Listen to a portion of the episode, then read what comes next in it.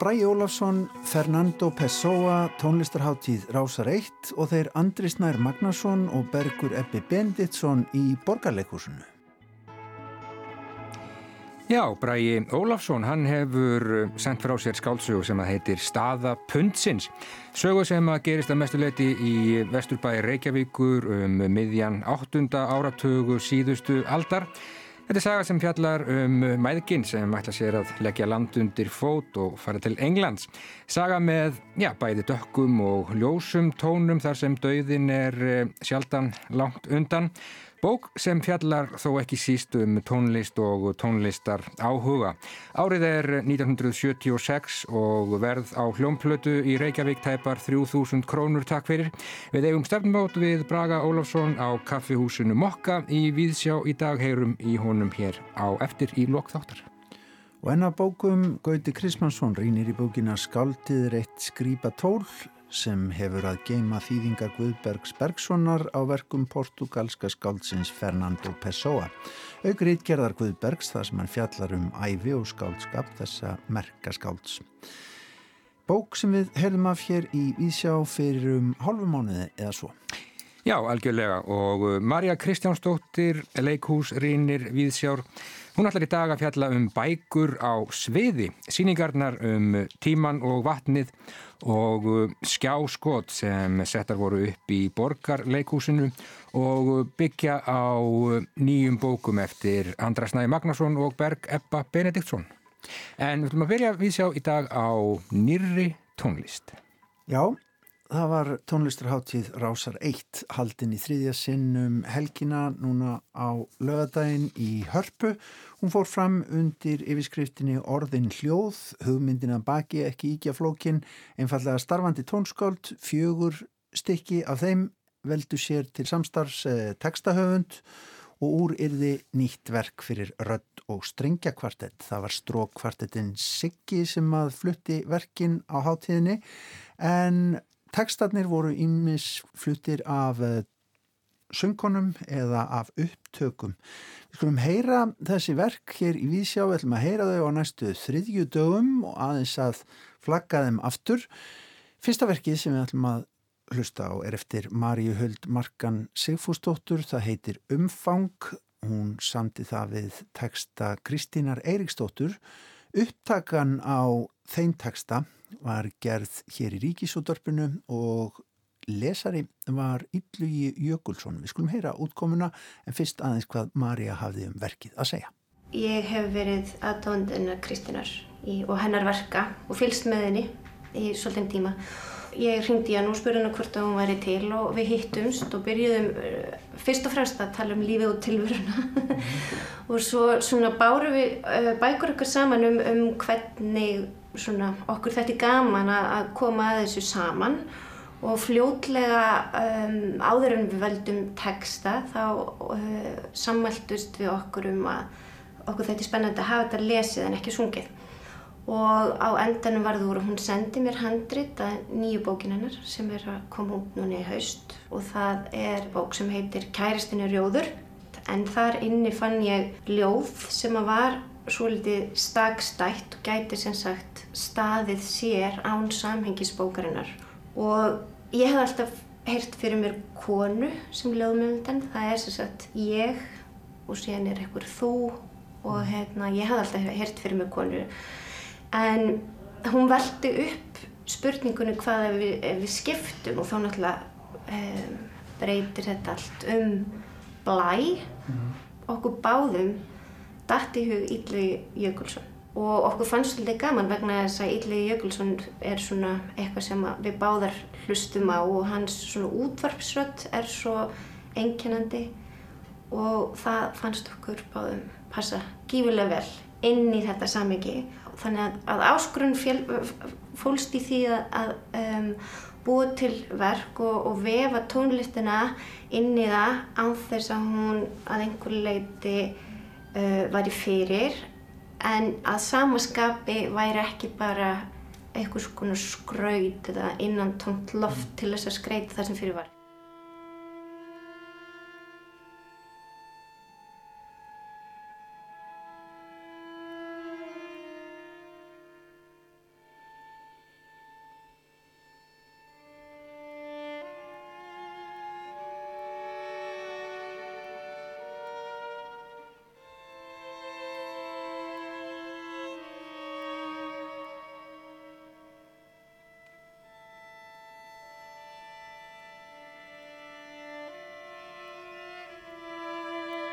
Umfang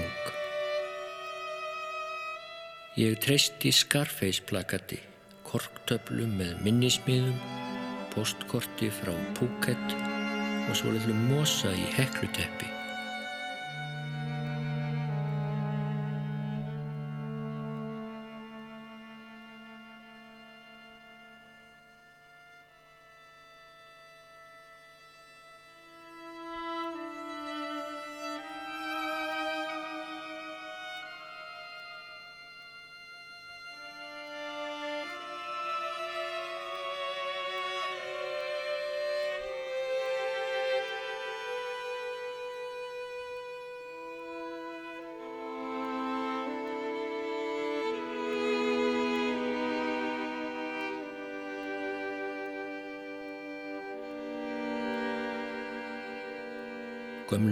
Vatni í glasi á náttborði, klístruðu ríki á svörtu plasti, hillusamstæðu með engu, leikvöngum á víð og dreif.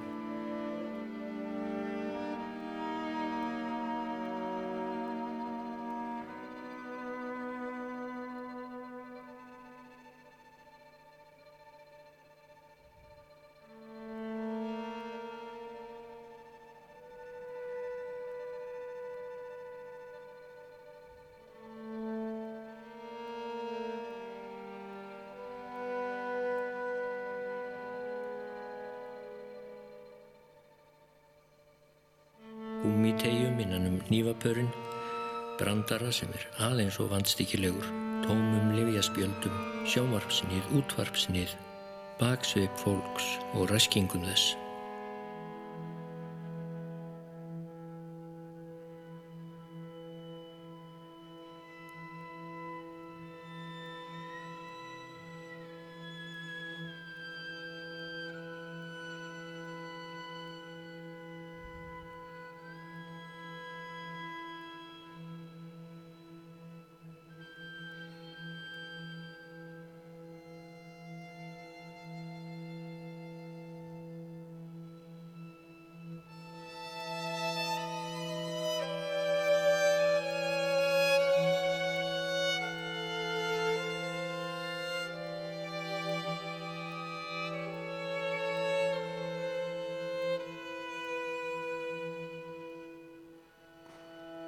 Konunni sem vökar plönturnar á hjógrunarheimilin og velvilja næstum því allra og hæfileikum þeirra til að síja frá harmin en um leið van getur þeirra til að bregðast við öðruvísi en í óta við harmin.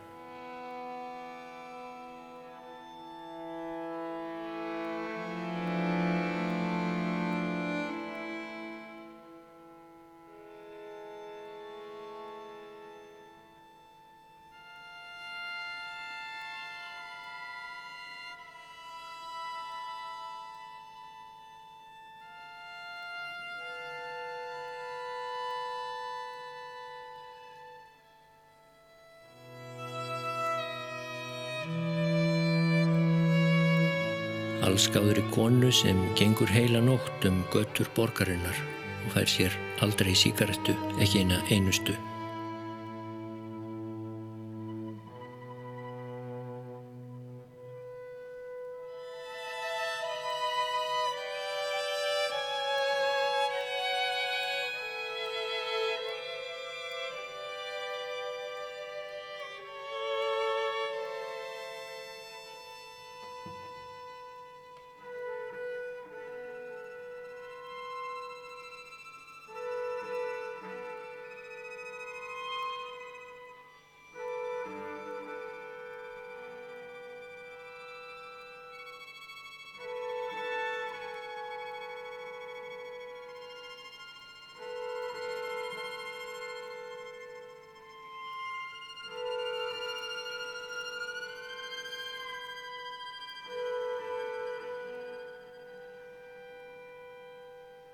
Gólfinu, næstum stólnum um það bylg, kuðungi á glukkasillu, handklæði á höfði.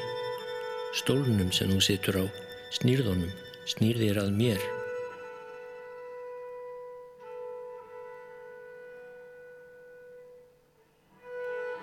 Iljum þínum, þegar ég sé undir þær, lofum þínum útréttum, nögtu sjálfið þínu, þegar ég sé það.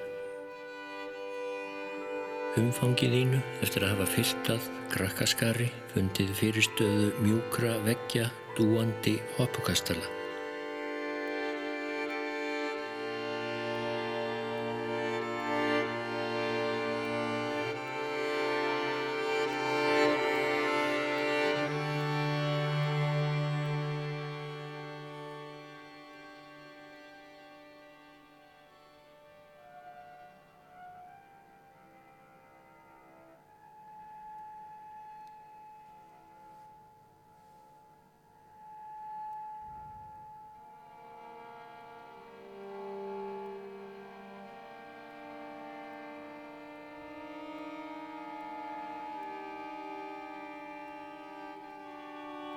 Hláturinnum að grimdminni sem sér ekki blæbreyði skilur ekkert.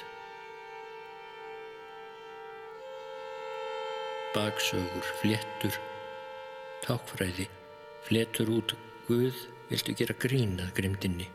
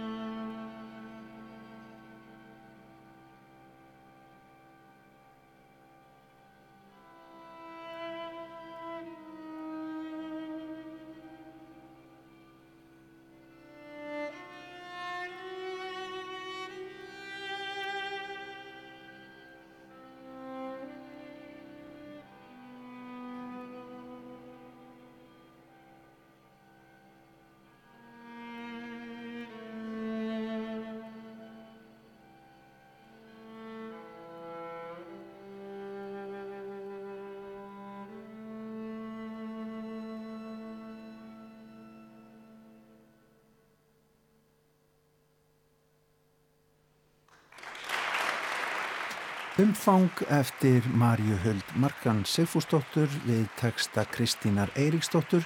Það var Ylvi Jökulsson sem kom fram í verkinu en þetta var leikið af strók kvartetinum Sigga á orðin hljóð tónlistarháttíð Rása Reitt sem fór fram um helgina. Þetta maður fá að heyra verkin þrjú hinn sem að voru á háttíðinni á næstu vikum hér í Víðsjá. Já, um að gera, en eh, úr nýri tónlist og yfir í nýjar bækur. Skáldið er eitt skrýpatól, er eh, heiti bókar sem að koma út á dögunum og hefur að geima þýðingar Guðbergs Bergsonar á ljóðum og já, raunar líka leikriti eftir portugalska skáldið Fernando Pessoa. Guðbergur skrifar jafnframt ítarlega rítgerð um æfi og skáldskap Pessoa í þessari bók. Gauti Kristmansson, hann er búin að lesa hana og við skulum heyra hvernig honum leist á. Fleig orð Þorstens frá Hamri um að ljóðið rati til sinna eiga sérstaklega vel við portugalska skáldið Fernando Pessoa sem notið hefur mikillar aðdáðanar bókmyndafólks um heimallan löngu eftir andlátt sitt. En á meðan hann livði kom lítið út eftir hann og vakti litla aðtikli. Pessoa hefur líka lifað hálgerðri draugstilveru á Íslandi. Fjöldi skalda hefur nefnt hann sem mikilvægan áhrifavald og nafn hans kemur alloft fyrir í blöðum og tímaritum á undanförnum áratugum. En fátt eitt komið út eftir hann að nokkrum stökum ljóðum frátöldum. Raunar á Guðbergur Bergson töluverðan hluta þessara fæstla sem finna má þeim ágæta vef tímaritt.is og bendir það til mikils áhuga hans á skáldinu til ára tuga. Hann þýtti og stöku ljóð eftir Pessoa sem byrstust í tímarittum á síðustu öld og skrifaði einnig um hann greinar þannig að hann er líkast til helsti brúarsmiður Íslendinga að þessu merka portugalska skáldi. Þótt einn og annar hafi líka spreytt sig á þýðingum ljóða þess eins og til að mynda Málfríður Einarstóttir, Gerður Eliasson, Anton Helgi Jónsson og Þorvarður Hjálmarsson, svo nokkur síðu nefnd. Titill bókarinnar er sóttur í eitt af þekktustu ljóðum Pessoas, Autopsykografía, Titill sem meir en erfitt er að þýða á íslensku. Enda slefti málfríður því og Anton Helgi fór dálítið aðra leið og kallaði andaskrift. Þetta ljóð er þó ekki bók Guðbergs, aðeins fyrsta línan er í titlinum sem ber þó nokkur enginni Guðberg sem ljóða þýðanda. Því skáldið er eitt skrýpatól er það sem sumur myndu kalla sterka tólkun á portugalska tekstanum ef markam á aðrar þýðingar á íslensku og önnur mál. Málfríður yrkir hana þannig. Skáldi lætur að látast og Anton Helger svona. Skáldið er þessi sem þykist. Öll þrjú halda svo í hérna ram íslensku stöðlun sem verist verið eins og málfræðilegt lögmál á íslensku fremur en skáldskaparfræðilegt. Meira segja í fremur frjálsri hrinjandi hérna órimuðu ljóða í þessari bók má greina frjálsa ljóðstöfun í anda íslensks móternisma. Þessi bók eru margt mjög sérstök. Þetta er ekki bók eftir Pessoa í þýðingu Guðbergs, heldur eins og undirtillin segir um æfi og skáldskap Fernando Pessoa. Þetta er bók eftir Guðberg Bergson, eins og sjáma á kápu og kíli, en það á hann mikið af frumsöndum texta í bókinni. Æfi ágrip, skáldskaparfræðilegt yfirlit, fjölda skýringa, jafnvel inn á milli þeirra fjölda ljóða sem þýttir í bókinni líka. Það má segja að þýðandin yfirtæki hér skáldið eins og stundum vil verða þegar skáld þýða verk annara skálda, að þau geri frumtekstan meira að sínum en aðrir þýðendur myndu kannski leifa sér og mér sínist það verið í þessu tilfelli. Með þeim fyrirvara ég skil ekki portugalsku og hef aðeins geta borið saman með þýðingar á öðrum málum. Þetta er samt engin fræðibóki þrengri skilningi þess hugtags. Höfundri sleppur öllu fræðilegu apparati, tilvísunum, neðan eða aftanmálskreinum, heimildaskrá og svo framvegis. Það er einingis ein nokkuð ítaleg nafnaskrá yfir helstu personu sem getiður um í texta, auk yfirlit sem lífslöp Pessoas með ártólum og stuttu máli sem vissulega eru gagleg. Höfundurinn er heldur ekkit að koma fram sem fræðimæður í þessari bók.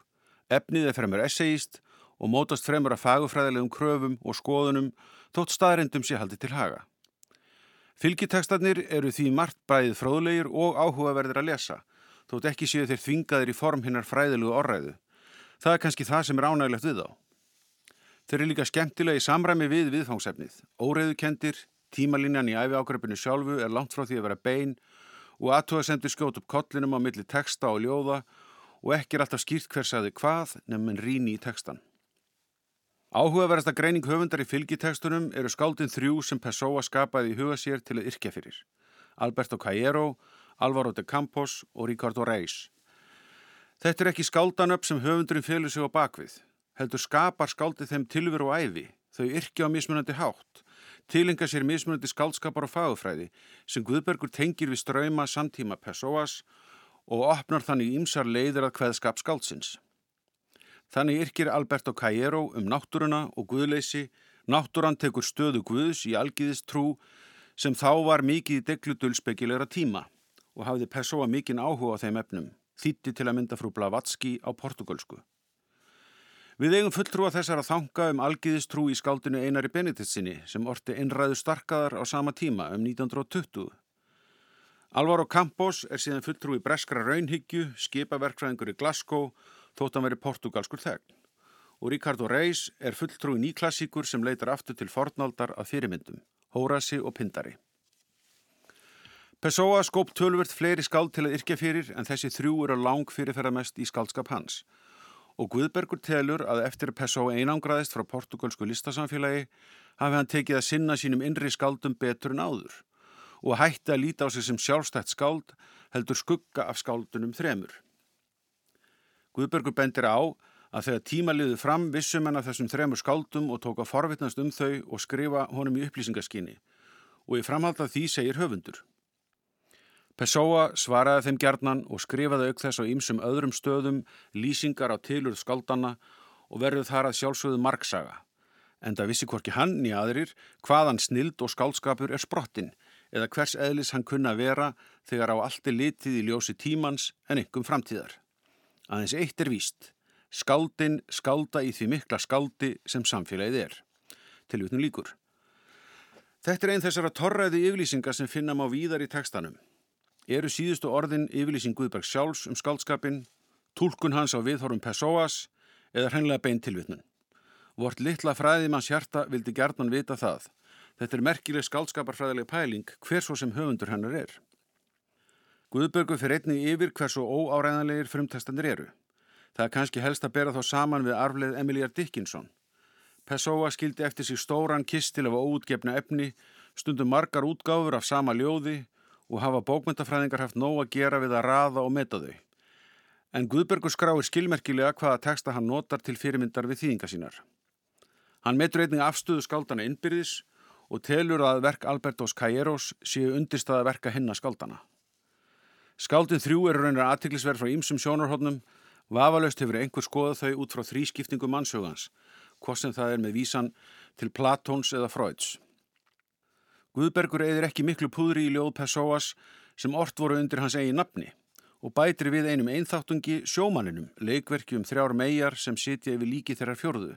Það vísar kannski fram til tvímenningana sem byggði eftir Godot þótt eflust sé engin tengslar á milli.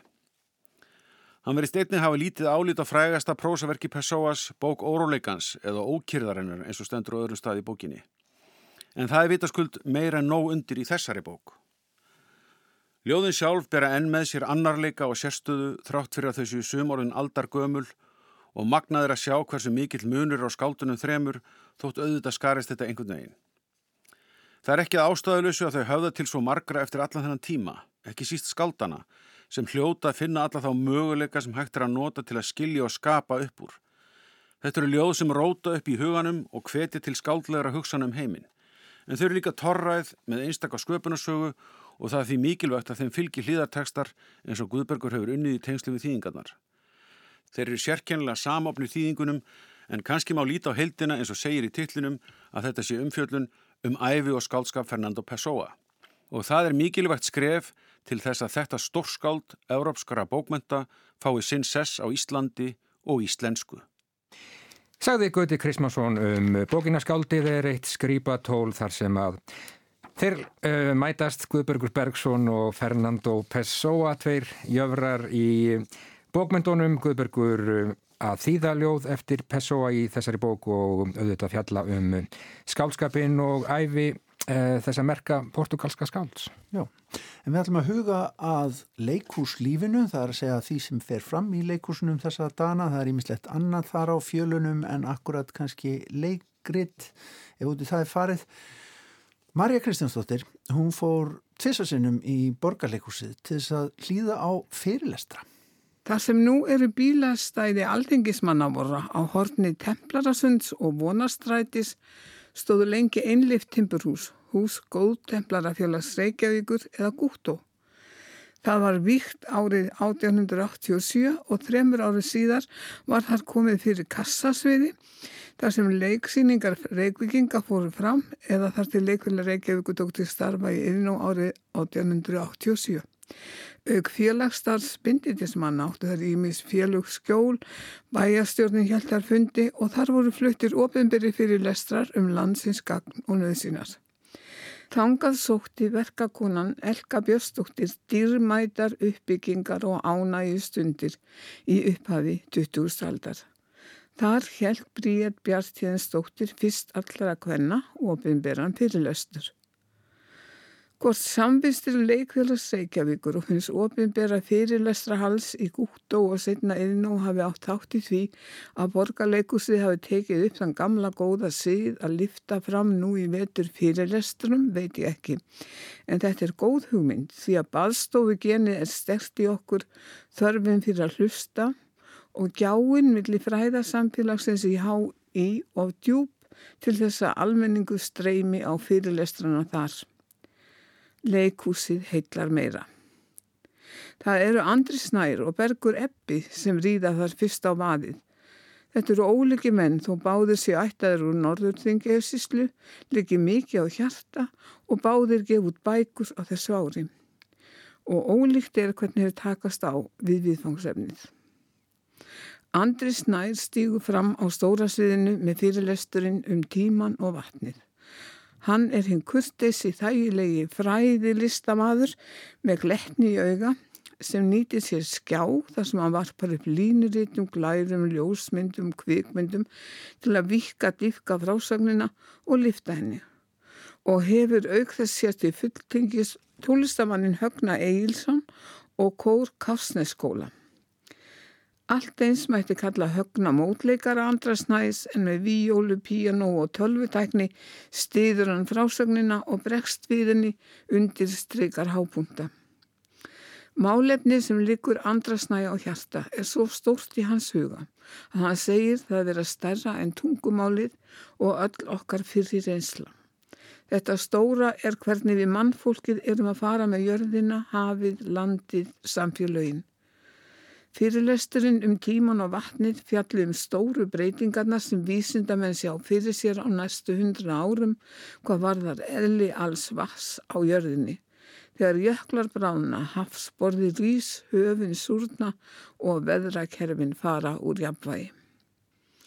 Sjálfur er andri snær í miðpunkti á ferðalæginu um tíman og í þeim leiðangri kemur hann víða við, tengir fortífi nútíð, framtíð og allur heimurinn er undir.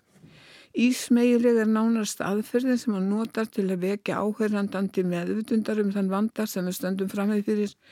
Ljósmyndir afa hans frá vatnajökli, heimalægafjöllin, heilagar, kýr, 700 ára gamalt íslenskt handrit, krókódílar, ólíufoss og dala í lama rata öll inn í það ferðalag hans og margt kemur þar á óvart. Hann setur ekki fram neinar lausnir, kurtins eins og hann er, en skilur okkur eftir með kærleik til alls sem lifir, hefur lifað og mun vonandi lifa ef við grípum til aðgerða sem duga. Á nýja sviðinu er hins vegar Bergur Eppi í allt öðrum gýr. Hann mætir þar bara einn og sjálfur að baki hans í byrjun ljósmynda ketti, þær verða fjóra myndirnar og einn þeirra blikkar okkur meira segja annars ekkert á sviðun nema stati fyrir hljóðnema. Eitt af fyrsta sem Bergur Eppi gerir er að hoppa niður á sviðinu og ávarpa okkur áhærendur, spyrja okkur spurningar sem ekki verður svarað en kveikir samband sem helst til loka. Því Bergur Eppi er eins og málfyrir einastóttir myndi orðaða, veltalandi, mjögtalandi, hraðtalandi, skýrtalandi, djúfthugsandi, hraðhugsandi, velhugsandi, næmthugsandi. Reynsla hans úr uppustandi kemur hér sér vel því hann lítar fossandi talandan með brauðum leiklistar, þögnum sem undirbúning í næsta áfanga og stundum, bara stundum, með snöggum kvörfum í sjálfum talandanum, uppbrótum sem koma óvart og halda áhorfanda við efnið. Skjáskot kallar hann fyrirlesturinn eins og bókina sem hann byggir á og kynnt er sem leiðsögnum nútíman. Og fyrirlesturinn var það svo sannlega fyrir mig. Ég hef notað tölfur gemsa snjálfsíma frá því þessi tæki komið fyrst á markaðin. Þau hafa lett mér lífið, líka valdi mér heilabrótum, stundum óta. Aldrei samt nógu miklum til að ég fengi á þeim verulegan áhuga. En þarna í rými þar sem snjálfsímar voru bannaðir, maður talaði við menn, þá fylltist ég allt í einu áhuga. Eða eins og Bergur Ebbi myndi kannski orðaða, upplýsingar komist til skila, svo merking var til. Ég ætla ekki að endur segja erindið, bara spyrja ykkur. Skortir ykkur samhengi amtspannist þeirri byltingu sem er í gangi, þar er að segja fjóruðu byltingunni, söfninni á gögnum og gagnaúrvinnslu.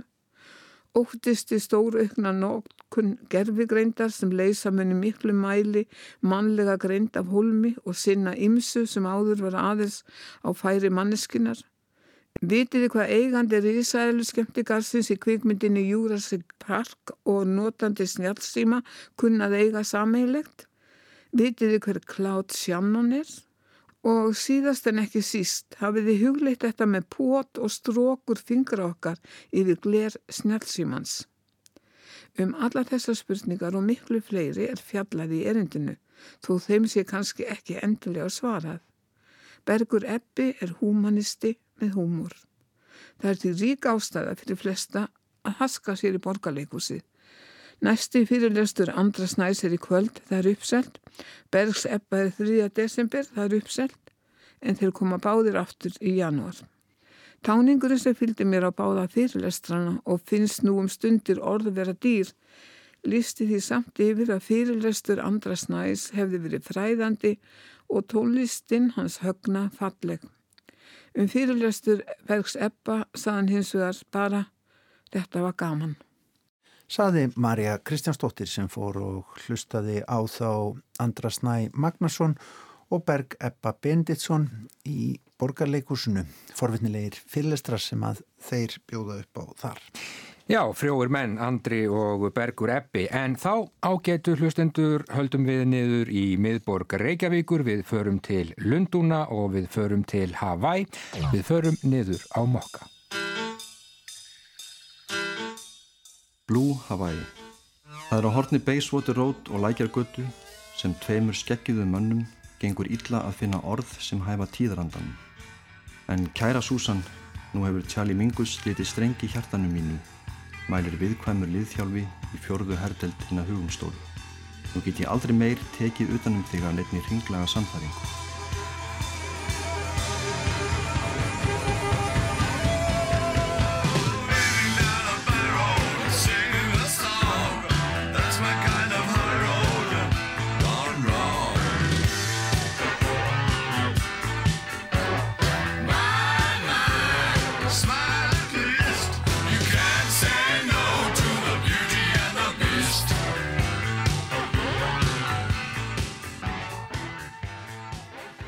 Já, ég sestur hérna niður á Mokka í miðborg uh, Reykjavíkur og ástæðin er einföld. Ég á hér stefnumót við Braga Ólafsson, Rituvund, sem að var að senda frá sér skálsögu sem að heitir uh, því góða nafni Staða Pundsins, sjálfsæfisaga þó ekki mín eigin. Og ástæðin fyrir því að við uh, erum á Mokka, hún er nú eiginlega svo að Mokka kemur við sögu í þessari nýju bók og já, þetta er svona einn af þessum stöðum sem að enn lifa frá því um miðjan 8. áratvíðin þegar að saga Braga gerist að, að mestu leiti bræði til hamingi með þessa bók og já, mokka kemur aðeins við sögu í þínu verki. Já, þakka fyrir, takk. Jú, hérna, jú, þau eiga hérna stefnum út aðalpersonan Matta og, og gammal vinnur mm -hmm. eiginmanns hennar heitins hérna, sem heitir Móði. Já. Þetta er svona hluti af þessari gömlu Reykjavík sem að þú ert öðrum þræði að lýsa í þessari bók. Já, það er náttúrulega ekki, ekki mörg kaffihús að ræða svona, en það voru ekki á þessum tíma hérna, en hvernig hvernig byrjaði mokka? 56, 55 þannig að það hefur verið, verið 20 ára gammal þarna. Já. Já.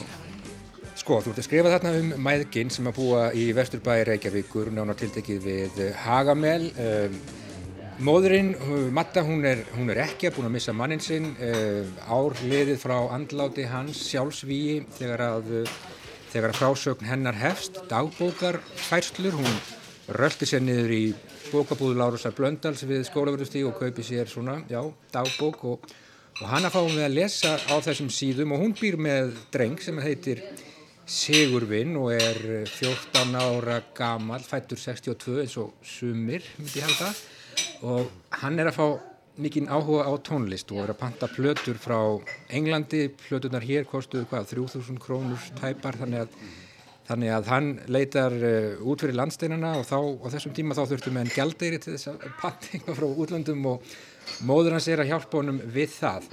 Sko, Bræði, þú hefur sagt að þú byggir þetta einhver leiti á atbörðum uh, í þinni eigin fjölskyldu, móður fjölskyldu, hvar, hvar byrjar þessi saga í þínum kvalli, hver, hver var kveikja? Kveikjan er eiginlega mitt eigið, unlingaherbyggi hérna, og, og þetta er náttúrulega svona að því að kalla þetta sjálfsögus æðusögu en ekki mína eigin ekki mína eigin uh, og rauninni er drengurinn í sögunni Sigurvinn hann, hann er ekki sko ég myndi kannski ef ég ég ætti kannski ekki að gefa það upp vegna þess að þetta þessi, þessi undirtitill á svona svolítið að ruggla, ruggla fólk í rýminu Já. með svona hver er hver er að tala hvar í sögunni og, en sko en ég vildi samt svona plassera sjálf mig bæði í drengnum og móðurinni og, og jafnvel fleiri, fleiri karakterum Já. til dæmis notaði ég þetta nafn Sigurvinn vegna þess að mér langaði um tíma þegar ég var ungur eða 10-11 ára þá langaði mig að skipta um nafn og ég var í vatnarskói hérna í sumarbúðum og, og þar var uppáhalds umsjónamæðurinn minn hann hétt þessu nafni Sigurvinn og ég var ekki mjög ánæðið með mitt einn nafn þá og þannig að ég lofaði sjálfum mér að taka upp þetta nafn en, en þannig að ég gera það bara fyrst núna en svona á ská vegna þess að drengurinn er ekki alveg ég þó hann hann svona það má freka segja að að foreldrar hans hitti mig fyrir Já. Í sögunni. Og hérna en jú, ég held að þetta hafi svona verið kveikjan á sögunni fyrir utan reyndar sko að kveikjan er eldri og hún kemur frá titlinum sjálfum. Ég er búin að vera með hann titil í höstum bara í aldar fjórðungaldi og langaði alltaf búa til svona búa til sögu sem að ég sem ég myndi byggja á Vestlunabrifinu sem að þú hefði nú lengi talað um. Já, ég er náttúrulega búin að segja mjög oft frá þessu en alltaf hann að þá er ég búin að koma sér fram með núna Einna, en að því að Vestlunabrifi hefur svona einhvern veginn fyllt mér ekki sem eitthvað praktist atriði frá því ég var í Vestlunarskólan og, það er eitthvað komist við sko orðalagið, við svona hefbundna orðalagið brifum Já.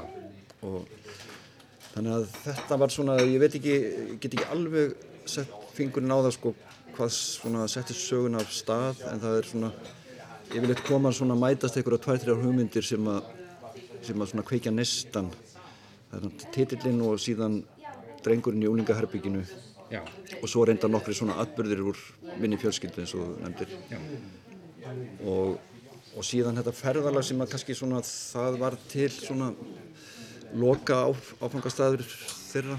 Já, þau sem sagt eru á leiðinni til Englands til að heimsækja vin uh, föðurins uh, sem býr þarna í einhverju 300 ára gömlu húsi fyrir utan Lundúni, söður af, af, af Lundúnum og þar er nú, já, undarlegt kombo saman komið og merkilegur mannssöfnuður en þessi, uh, sko það er eitt sigurvinn og það er, það er annar, það er fadurinn og hann sem sagt hefur svift sér lífi uh, við ægisíðu þegar frásögnu möttu hefst.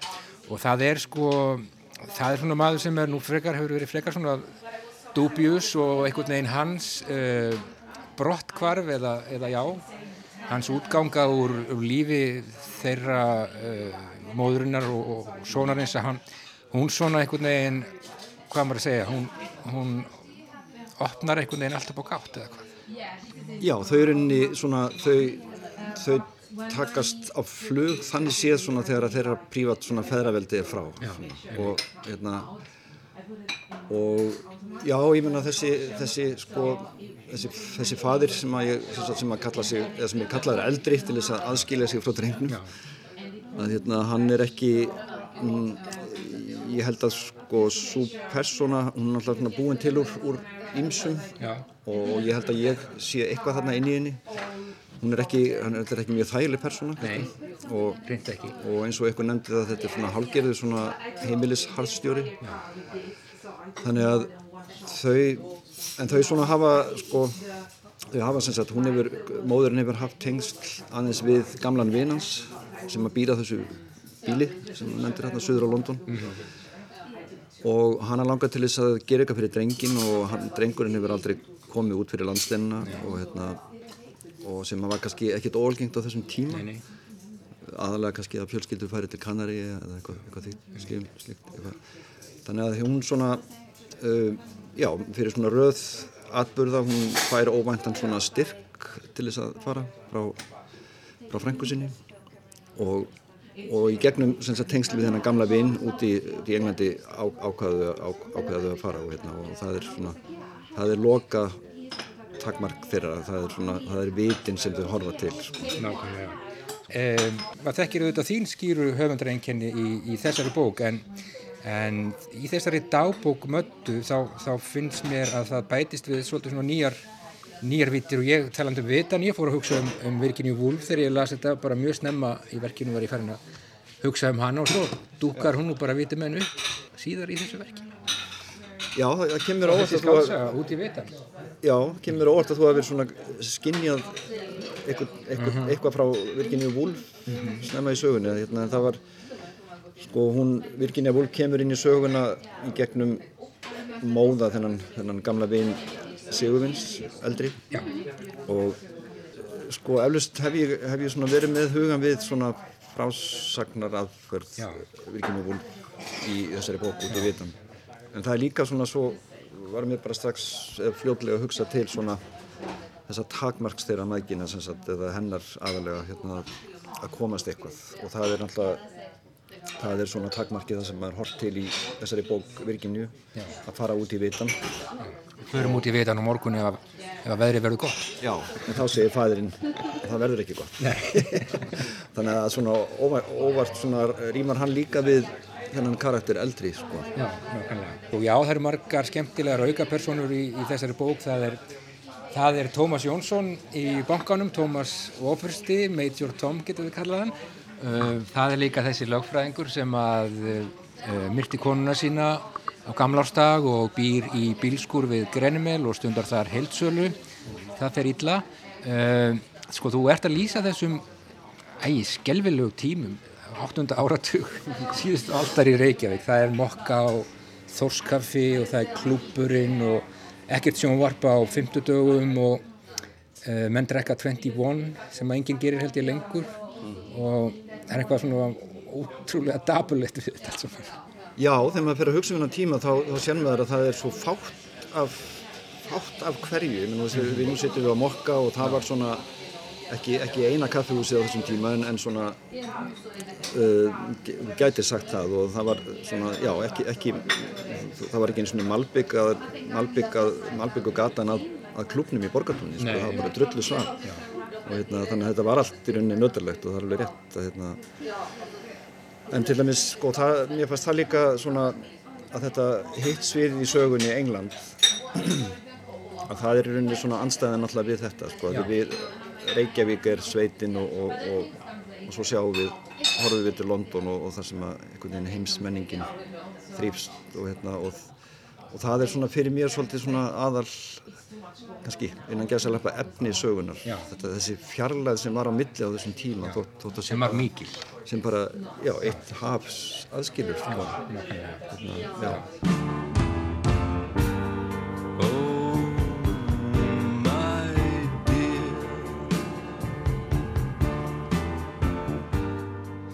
frá Englandi þar koma þessar plötur sem að Sigurvin er er að panta og það er hrikalega mikið af tónlist í þessari bókbræði. Það er Roxy Music og það er King Crimson og það er Bowie, Brian Eno, Robert Fripp.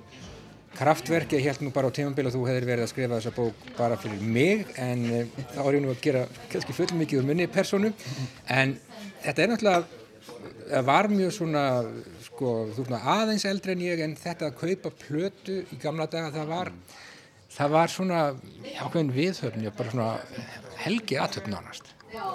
Þá nýja plötu í hús. Jú, það, það var það sko. Ég, ég þurfti, já því við nefndir að, hérna, að, að, að ég hefði skrifað þessa bók fyrir þig, þá get ég alveg játað að hérna, þú varst einn af þeim sem að, svona, voru fyrir aftan mig að horfa yfir axlina sko, því það er alltaf þannig þegar maður skrifar bók og það fyrir náttúrulega eftir mismundi efni en, en hérna, alltaf eitthvað svona hópur fyrir aftamann en jú það er ég, því þegar ég fór að rifja þetta upp með sko plötu pöntunina frá Englandi því ég notaði sjálfur svona lista sem að, sem að, sem að kallaðist Jojo eins og í sögunni. Þá, þá var þetta heljar framkvæmt það hérna, að, lappa sko fá gælderi og, og fara niður á hérna, pósthúsið við hlýðin á ameríska hérna, bókasafninu. Neshaga Jú, ég minna að þetta er náttúrulega svo hróp, hróplega öðruvísi veist, en í dag ég minna þessum að þú hefur aðganga öllu bara með því að íta á einn hnapp. Og nánast borg ekki neitt.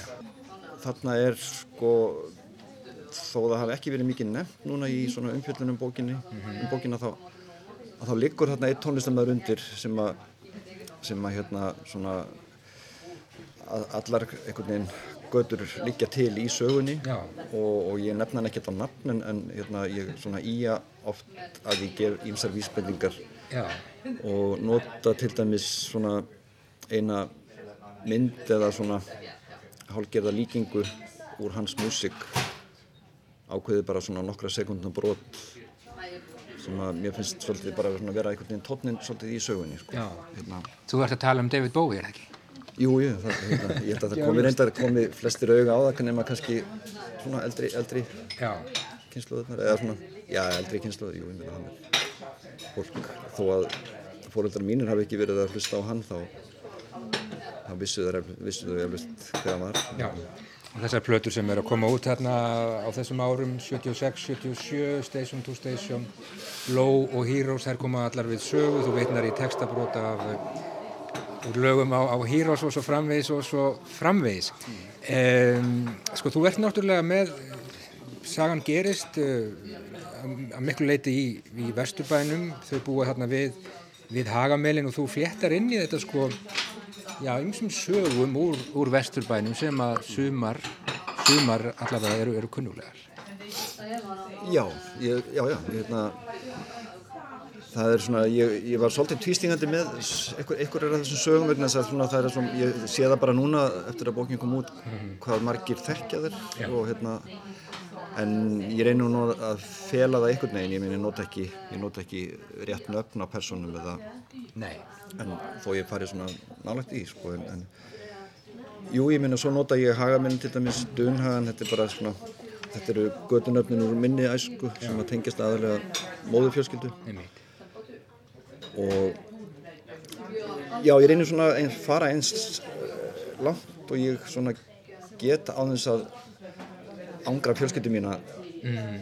í því að, að, að tengja þetta mínu svona, mínu lífi og og minni fjölskyldu og, og það er þarna ímislegt svona tragist sem gerist en ég sný upp á það eða svona hendi því inn svona á ská sko. Já, og þú vilt þá væntanlega ekkert fara neitt nánar út í það hvaða atbyrðir það, er, það eru í þinni fjölskyldu sem þú móðar úr í, í þessari bók Nei, Nei. Myndi, ég vil það ekki Nei, Nei. það sjálfsög ekki og þú ert búin að feila þetta allt svo vel að, að þú ert sannfærður um það að þín fjölskylda mun ekki býða skada af uh, þessu en þetta er líka bókbræði bara um það að, að uh, segja sögur. Þú byrjar bókina bókstælega á einhvers konar vangavöldu um það hvernig maður tekur til máls og, og hvernig maður byrjar sögu. Um, þú segir að sögu þetta sé, sé fyrðulegt orð í, í hérna, íslensku máli Já. en þú ert alltaf að velta fyrir þér sko, þessari konstruksjón sem að skálsaga er. Já, ég held að það er ekkert mjög meðvitað, ég legg ekkert upp með það þegar ég skrifa fyrstu setninguna en það, en það bara gerist sjálf, sjálfkrafa vegna þess að maður er náttúrulega alltaf að, að sko að ég, ég líti á þetta sem svona frekar raunsæðislegan skálskap en, en ég vantristi bara svo hugtækinu raunsæði, mér í raunni efast ég bara um að, að, að þú getur gefið hérna, skáld, skáldverki þann stimpil að vera raunsæði því og, og, hérna, og það er að því þessi, þessi bók kannski, kannski meirinn aðrar bækur mínar er svona óriðuðkend í frásögn og, hérna, en það er það sem að ég kannski upplifa að því mér langar til þess að vera eitthvað svona höfundur. Uh, þó ég hafi sjálfur sér uh, ég svona dáist mest að öðrum stefnum eða, eða hérna maður hefur alltaf svona hugan við sko jafnvel surrealisma eða jafnvel dataisma eða eitthvað og það er, það er kannski svona í orði er það svona meira spennandi form í rauninni en, en ég, þetta er mér bara í rauninni eðlilegt sko. En, en ég reyni alltaf einhvern veginn að brjóta upp sko svona hefbunda frásug og til dæmis þarna þá læti ég svona söguna hanga í lausu lofti þegar hún endar. En en réttlæti það svona fyrir sjálfum mér með því að hugsa um var kannski helst tvö verk höfunda sem ég met mikils. Hérna annar er Nikolai Gogol ukrainski mm -hmm. hérna sem að sandi leikrit sem heitir Eftirlitsmaður og það sem er unni ég ætlum ekki að segja efni eða sögu þess leikrits en, en, en en sagan hefst í rauninni bara á um leið og hún endar Já. þá byrjar að ímynda þér sko hvað mun gerast mm. og, hérna, og svo náttúrulega verður mann að hugsa til Proust sko, hans stóra verk sem að í rauninni í loka setningunni byrjar hann að skrifa það sögur Já. Við getum talað lengi um þessa bókbræði uh, þetta er mikill vefur og margir þræðir sem að þarna koma saman. Þú ert með þarna meðal annars kunnulegar personur úr fyrir bókum Ármann Valur, íslensku fræðingur og Markus uh, Geirharður Raf tónskáldið sem er höfundur verk sem að heitir Þögnuð slóð. En uh, ég held að uh, já, hvað hefur að hlusta á bara í lokin hérna, það er einhvern veginn á nóg að taka í þetta sem Já, ég, ég sko ég myndi stinga upp á til dæmis uh, einhverju af því sem að Matta er að spila af því hún, hún vinnur svona í einhverju aukastarfi sem plötusnúður. Já, senkt um síðir. Já, mm. og, og hún er að spila Holger Tsuka, ég veit ég. Og, og ég og með því að skrifa þessa sögu hefur hefur hérna, hefur hljómsdinn Kahn og, og liðsmenn þeirrar frábærum hljómsveitar svolítið svona lifnað aftur fyrir mér og þannig að ég sting upp á Holger Tsukai Hvað næst? Já, ég er nú búin að lofa sjálfur mér að, að ganga frá sögu sem að ég hef verið í smíðum sko meðfram þessari. Og hérna þannig að það er bara næsta verkefni. Það, ég reyndar hefur verið að vinna í þremur, svona þremur sögum sko á þessum tíma á því síðasta skálsaga kom út en, en ég ætla ekki að segja mikið Nei. til um, um það sko Þú þarfst ekki að gera það Nei. Veistu hver staða punnsins er í dag?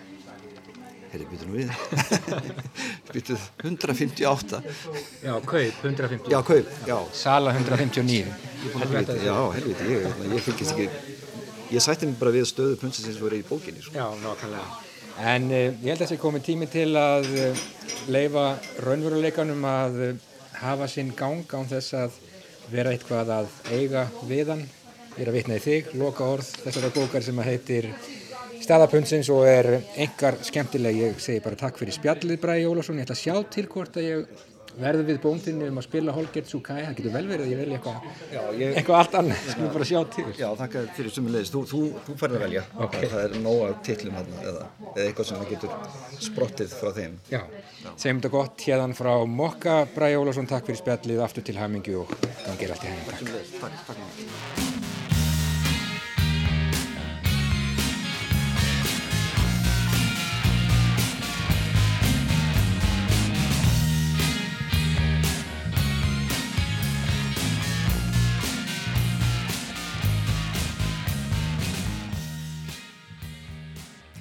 Nei, þetta er nú vist ekki Holger Tsukai og þetta er ekki þýska hljómsveitin Kahn, þetta er eitthvað allt annað og svona notum við dagskrárvaldið hér í Víðsjá reyndar í góðu samráði við Braga Ólafsson lag af hljómplutunni í Appelsínu gula umslæðinu sem að kemur við sögu í skálsögu Braga Ólafssonar stöðu pundsins og við heyrðum auðvitað í þessu einslægi lög af plötum sem að koma við sögu í þessari fínu bók Braga, þetta er beint úr unglingaherberginu við Hagamell. Já, En svona ætlum við að ljúka við sjá í dag ágættur hlustendur á David Bowie. Takk fyrir samfélgina. Verðið sæl.